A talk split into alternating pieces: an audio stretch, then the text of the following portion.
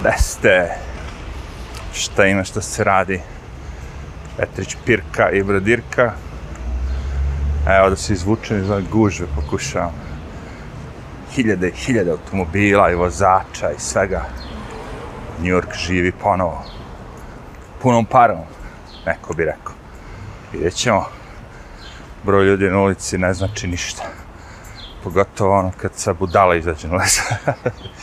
Znaš koga žalim, sad sam video gomile tih vozača. Ja žalim vozače stvarno, ono, kao nekad sam bio vozač, ono, i nisam neki neiskusan vozač, imam ja te A, B, C, D kategorije, šta već, mogu kamione da vozim, motore i sve živo. I vozio sam dugo i, i u vojsci sam bio vozač, ono, ceo vojni rok. Sve to cool. Cenim dobar automobil, znam sve to. Sve mi je jasno. Ali, brate, uf, gledam ove u LA-u, pričamo o sedenju automobilu, ne vožnji. Jer u principu svima je cool dok se voze, da se razumemo, right? Voziš se ono planina, neka fina, lep prizor, ali na 45 stepeni u LA-u, vi u redu, onako, šest linija automobila i svi idu po 5 na sat, 10 na sat. To je ovde vožnja po Njurku, po LA-u. To je tako po gradima. Znači, uopšte mi se... uh, ne bih volao nikad da budem vozač. Svaki put kad se vozim duže, koliko god je udobno to sedište automobila ili svega, hoćete da usnete, protegnete noge. Zato često stanem, ono, kao, ej, stani, ono, kao, ko puši, popuši cigaretu, ko ne, popi vode, protegne noge. Vozač je, pšu, zajebano zanimanje. Neki će reći, što, šta te briga, boliš, boli tu, sediš u toplom, je, znaš, ono. Kažem ti, svaki posao gde si jako sedimentiran, gde ništa ne radiš, gde se ne mrdaš, to te ubija. Razumeš? Ja sad hodam. Ja dok hodam, trošim se, okej. Okay. Znači, nije ni sad, ni to sad on kao ništa. Ali, dok se trošim, ja pokrećem mišiće, organizam, a, sve živo, susrećem se sa virusima, bakterijama, polenom, što te ne ubije, činite jačim. uh, mnogo manje, mnogo šansa manje mene da nešto kokne nego nekog ko sedi u automobilu po cijel dan. Još ako drži zatvore prozor zimi, zbog granja i svega. Ali opet, i sve to da zanemarite. To nije vožnje, to je sedenje u automobilu. Pomeranje 5 5 km ono. Se kad sam došao, shvatio kao pa vidi ovdje sve automatski menjači, postoji razlog zašto je to tako. Zato što ono kao svi se pokreću brzinom munje. Mi, munje, puže je, ga. I sada stalno menjaš iz prve u drugu, iz prve u drugu, drugi u prvu, u prvu, u drugu.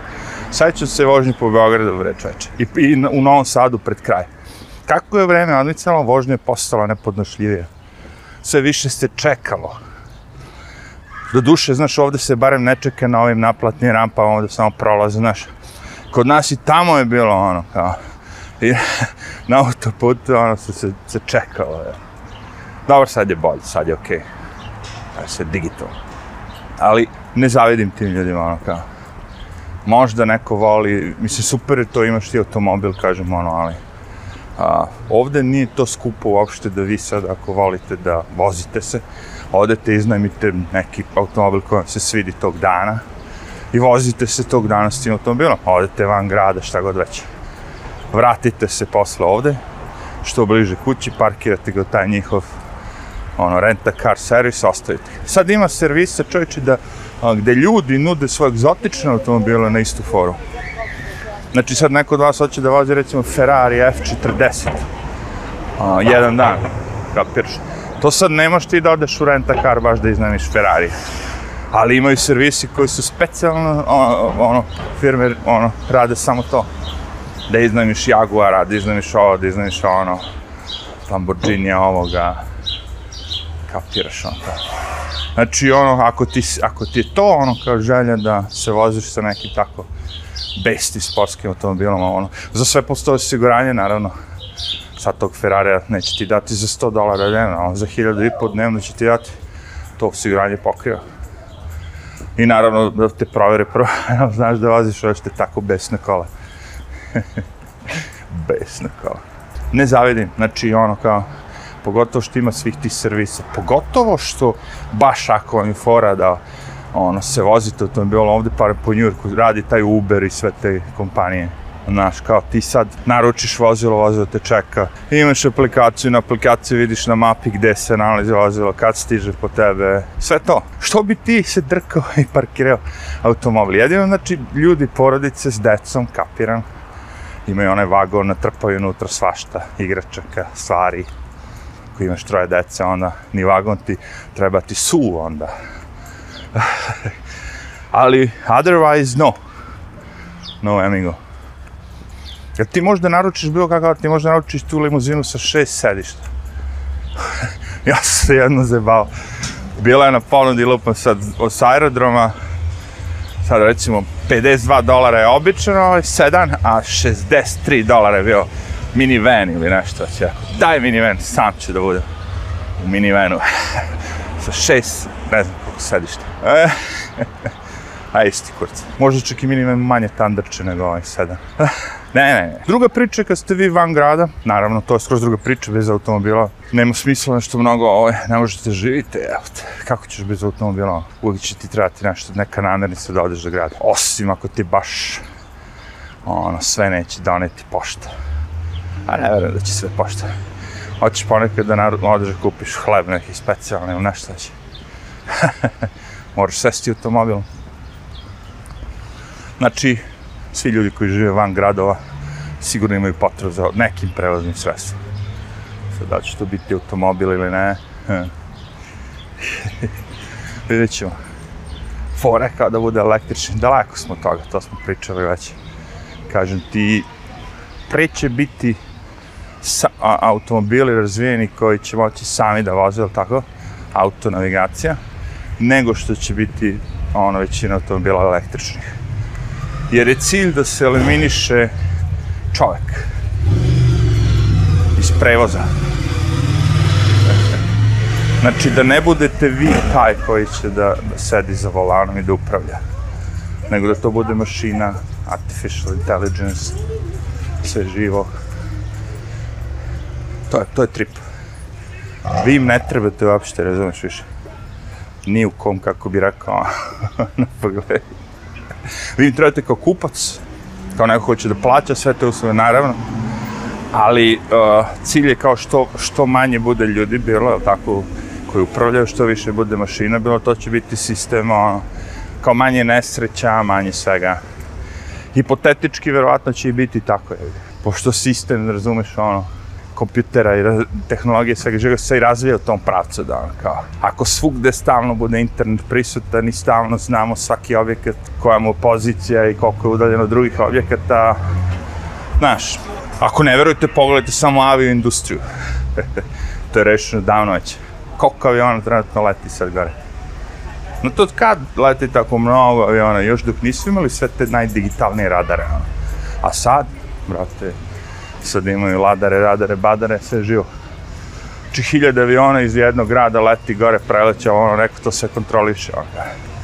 Tako da nemojte misliti da nećemo, mislite, sad dobro, u svakom od tim aviona da se razume pilot, ali taj pilot bi, će biti zamenjen ono, jer 95% leta pilot nema nikakvu kontrolu nego na autopilotu. Pilot podigne i spusti avion. Znači, u jednom momentu će reći kao, a sigurno već postoji, ne treba više pilot ni da podiže, ne spušta, jer kompjuter je dovoljno jak da može da sve to sam podnese. Pazite, algoritmi postoje već dugo. Problem je u kompjuterskoj snazi, znači, da biste sad to sve odradili, u taj avion bi trebao stane kompjuter koji je velik kao 2-3 stana. Takav je pre bio IBM super kompjuter. Sad super kompjuter stoji u vašem džepu, je Ne tako jak, naravno, ali mobilni telefon je već super kompjuter. Zamislite sad ono kao koliko je tehnologija napravila i sada taj jedan kompjuter može da procesira mnogo više informacije u sekundi, deliću sekunde, što je jako bitno kod te automatizacije. Znači da, vidjeli ste već da voze se, ja kažem samo u jednom momentu će uh, hteti da izbace vas iz optica. Jer sve je jeftinije kad vas nema. Zamislite koliko će osiguranje za automobil da padne kada vozača nema kao ovoga, nekog ko može napravi sranje. Jer mi sad imamo pijane vozače, imamo vozače koji su na nekim lekovima pa ih ne uzmu, imamo vozače koji se pretaraju sa lekovima pa se zakucaju u drvo. Ono, baba, recimo, ono, videli ste sto puta, da gasi, uleti u prodavnicu, izlog. To sve medicinski problemi. Svega tu ima, to će sve biti eliminisano. Pa, pa, pa. Nema više kao. Naravno da će prvo, kao što jeste već u vozovima i tako nekim jednostavnim prevoznim sredstvima, stvarno voz, ono, tu stvarno ne treba čovjek da vozi. Mislim, po, po meni treba svugde čovjek da vozi. Ja bi malo da ostanem to starom od ali kapiram da nije šta ja hoću ili neko drugi, nego ono, kako svet ide i ta digitalizacije, sve žive bit će prodato kao bolje po ljude, a u stvari je bolje po kompanije. Ja sam baš gledao juče, kada već pričamo o saobraćaju i transportu, jedan zanimljiv onako kratak dokumentarac o tom japanskom, kako se zvao taj prvi, brzi, brzi voz, Shino, Shi something, nije bitno, koga interesuje naći će. Uglavnom, ta dva lika koji su projektovali to, su to uradili u doba kad je baš ono, bilo to, da kaže, svi, svi ljudi su im govorili da je to jako glupo što rade. A, u doba kad su Amerikanci kupovali sve više više automobila, kada su se u Americi gradili putevi umjesto pruga, a, kad je železnica u Americi krenula da zamire zbog toga što sad čovjek može sedne u automobil i odveze se gdje god hoće. Razumeš? Što bi išao i čekao voz i ne znam šta. I ima to smisla, sve manje manje ljudi, jel da ka, kažem, koristilo i manje se ulagalo u pruge. A u to doba, razumeš, ta dva Japanca su on rešili da investiraju ogromne novac da naprave prugu koja bi povezala praktično, ono, ne znam šta je rekao, Tokio i Osaku, ili ne znam, ono, zaboravio sam, ali na dve neke najduže tačke, kažem, u Japanu. Či dugačka pruga, koja bi bila vrlo blago nakrivljena, onako, mislim, ne bi imala oštri krivina i tako, to zbog velikih brzina, kao, koje nisu planirali oni kao da budu velike brzine, ali kao planirali su da prošire šine. Svi standardni vozovi, znači u Japanu, su bili određene širine, glupo, sad 3 metra, e ovo je sad 4 metra, ili tako nešto. I sad to svi se protivili, znači sad ne možeš da koristiš ni jednu prugu koja postoji, nego moraš nove sve pruge da napraviš. Ali ovi likovi su bili istrajni, da su shvatili potencijal a, takvog prevoza. I naravno da su ih odjebali sve živi, Naravno da su pukli dva puta bili, taj projekat je započet bio. I pukli su dva puta više para i sve ti likovi što su započeli ideja, njih su proterali, ali na kraju se taj projekat završio. I kad su ljudi vidjeli to, čudo, posle toga nema povratka. Razumeš, ti sedneš u voz, brate, ono, ne znam koji si ti bio ovaj biznismen kao iz Tokija, sedneš u voz, u, ne znam, Osaku ili gde već, budeš na sastanku, vratiš se u istom danu, što je prije bilo ono kao nemoguće. A komfort tek sediš u vozu, spiješ, cugaš. Tad se vjerojatno i pušilo. Komfort ono nevjerovatan. Super, super do jaja. I taj voz se toliko počeo isplaćivati da je bilo ono uveli se samo još više, još više, još više. Tako da sad postoje ono moderni francusko imamo taj, kako se zove, Tiđ, Tuđ, kako se zove beš, onaj. Oni su krenuli svoje, svi su imali svoje neke. Uglavnom ljudi koji su investirali u železnicu, su uspjeli da dostignu, ja sam vidio taj voz je uspio da dostignu 500 km na sat. Jedno. Naravno da ga nisu vozili toliko, stalno, ali vrate, kakve su to brzine. Znači, eh, iako su ljudi pomislili da je pruga gotova, da je sve gotovo, u Japanu su rekli ne, mi ćemo i dalje se držimo. I to je ono fenomenalna stvar u Japanu, u stvari. Avioni manje više, ali pruge, brate. Jer ti šta uđeš u avion, to nije putovanje. Može neko to zove putovanja, dok uzlećeš i slećeš, vidiš nešto. Sve vreme ono oblaci, magla, ništa. Voz, pšu, otvoriš prozor, ono, nagledaš se čoveče. Znaš, to je cela pojenta zašto ljudi vole automobil. Sedneš negdje, izađeš, popiješ cugu, udahneš vazduha, šta god. Sam si svoj maj, gazda, tako, sam si svoj čovjek. Možda radiš kad, znaš, kad si avionu, ja ga, to ti šta ti je. Još ako ste ono, klaustrofobični ili tako nešto, joj, joj, joj. Tako da, ne znam, uh, ne bi, kažem, taj posao će lagano da nestaje. Ja znam da je to tužno i tragično i prvo što ćete da vidite gde će se desi, barem ono, ne znam, ko prvi bude uvod, će biti kamioni.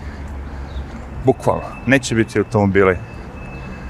jer a, najviše se isplati na kamionima da ukinemo a, vozača.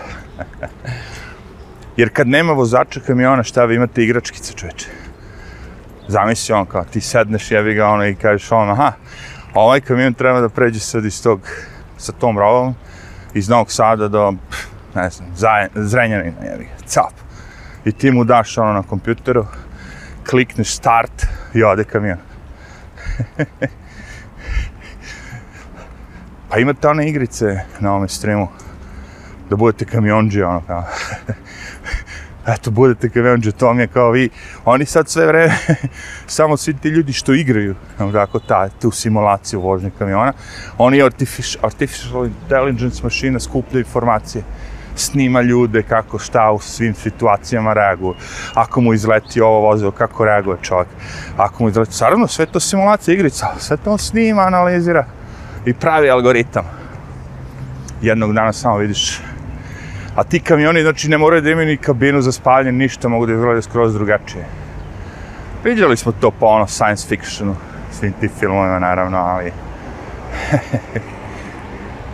to bi bilo, kako bi rekao, po meni, a i vi viđate po filmama i svugde i ono kao science fiction.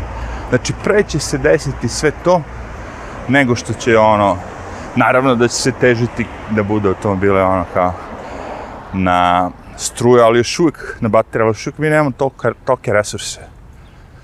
Znaš, ti da bi punio, ti si zamenio gorivo sad, ili tako ne kopaš, ne bušiš naftu, ne tražiš ugalj, ne znam šta ili prirodne gase, ne znam šta, nije bitno, nego sad si krenuo kao struju, a struja mora dođe od negde. Ona u Aljasci nema baš mnogo sunčanih dana, on ne može da se oslane samo na solar. Neko ko žive u Australiji, vjerojatno on može da živi samo preko solara, ali postoje mnogi delovi planete koje ona nisu baš... Znači, treba ti energija i većina zemalja, kažem, ne želi da pređe na nuklearno, a to je najjeftinije, naj, najviše čip, da kažemo, i najčistije a neće da pređu na to. Znači tu imate jedan veliki deficit energije, da kažem. Jer sad kad bi neko izračunao i video stvarno svi te automobile, kad bi su isto vreme punili ili nije bitno ono, shvatili biste da ono, mreže bi pukla samo tako. mreže bi otišli u zaborav. Neću ni da pričam o tome da biste proizvali sve te baterije. Šta sve treba se kopa od svih tih ruda to niko neće priča nikada. I da je to i dalje miniranje i ista priča, samo sad kao imamo drugačije stvari. Ja vam kažem, svaki put kad vam prodaju to nešto kao to je bolje, a ovoga puta prodaju nešto što je mnogo bolje. Razumeš?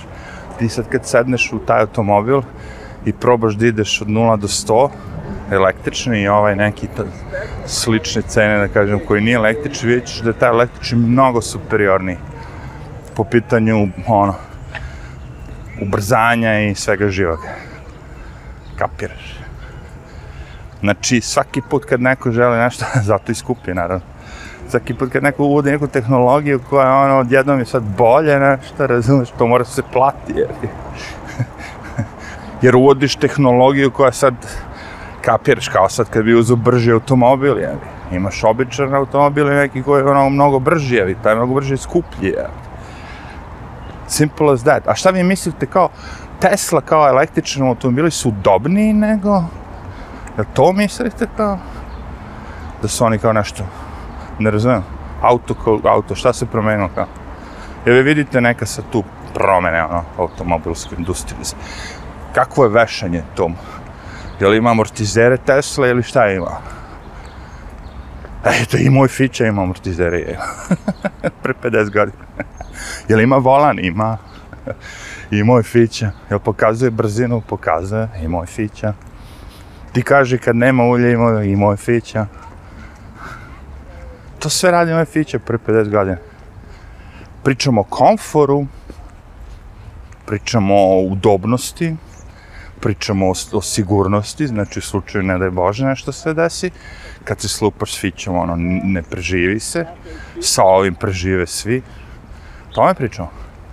Ali osnovno svrsto, osnovno, osnovna svrha je prevozno sredstvo. Mnogi ljudi koriste to kao prevozno sredstvo, ne kao sportski auto, ne kao, ne kao, ono, kao prevozno sredstvo. Treba mi automobil da idem na posao. I kažem, šta se promenilo? Cene, cene, kvalitet izrade, znači oni što su pravljeni pre 50 godina, oni su, mogu da traju 50 godina, a ovi što su pravljeni pre 10 godina su već na otpadima. Napravljeno je toga da budu potrošački trendovi kao Swatch satovi. Sjetite se, nekad su to bili Swatch satovi. Kao ljudi dođu i kupe svake sezone Swatch sat. E sad, znaš, on kao neko ima mnogo više para pa kupe automobile, ili mobilni, ovo, ono, ali... Oni su pred da se razumemo. Ne, oni ne žele mnogo ljudi više na automobile. Oni ne žele ljudi da lete, razumeš. Oni će praviti patnju ljudima koji žele da lete. Te moraš da imaš 60 skenova. Te moraš da dobiješ vakcinu da bi letao. To, znaš, napravit će patnju. Svim običnim ljudima da lete. Oni, bogataši, oni će imati svoje privatne avione. Oni će ići, trošit će taj kerozin, šibat će te turbojetove, da slete na ostrovo i da kažu kako su klimatske promene, mi smo krivi. Nisu Rusija, nije niko, nego mi, običan narod, što vozimo našeg Forda ili ne znam ti šta. E, mi smo krivi kao. Ne oni što potroše tako ono stotine litara goriva ono, samo da uzlete. Tonu ono, bre. Ne. I to je dobra fora. Ti što ide na te klimatske promjene, ste primetili to? Da svaki put kad idu da pričaju o globalnom zagrevanju i klimatskim promjenama i ne znam čime, odu uvek negde na neko mesto, ono kao, gde je toplo, gde je ono, ne znam, Havaje, recimo. Znaš, oni su kao, e, ovde je toplo, vidite, glava. znaš, što ne odeš na Antarktiku, što ne odeš da izvršite vašu konferenciju na Aljasci, što ne odete sad u Wyoming, evo sneg i u Wyomingu aprile, što ne odete tu gde je sneg i pričate o globalnom zagrevanju. Nego uvek ode da priče, znaš, a prže, prže, brate, razvaljuju ono kao, taj Bill Gates, on je prvi tu koji ono kao, klimatske promjene, ovo, ono, levo, desno. A, ja, sad će ovaj da pišti kroz snimak. U stvari, to je signal da, da, da završimo snimanje. Kad dođe nešto tako što baš ometa, žeš kao sladoleđija, to je signal da završimo podcast vezan za prevozne sestre automobile. I najbolje je u stvari da priđem samom kamionu, tako da taj zvuk bude sve jači i jak, kao one mušice što slepo tako idu na svetlo i svetlo ih sprže.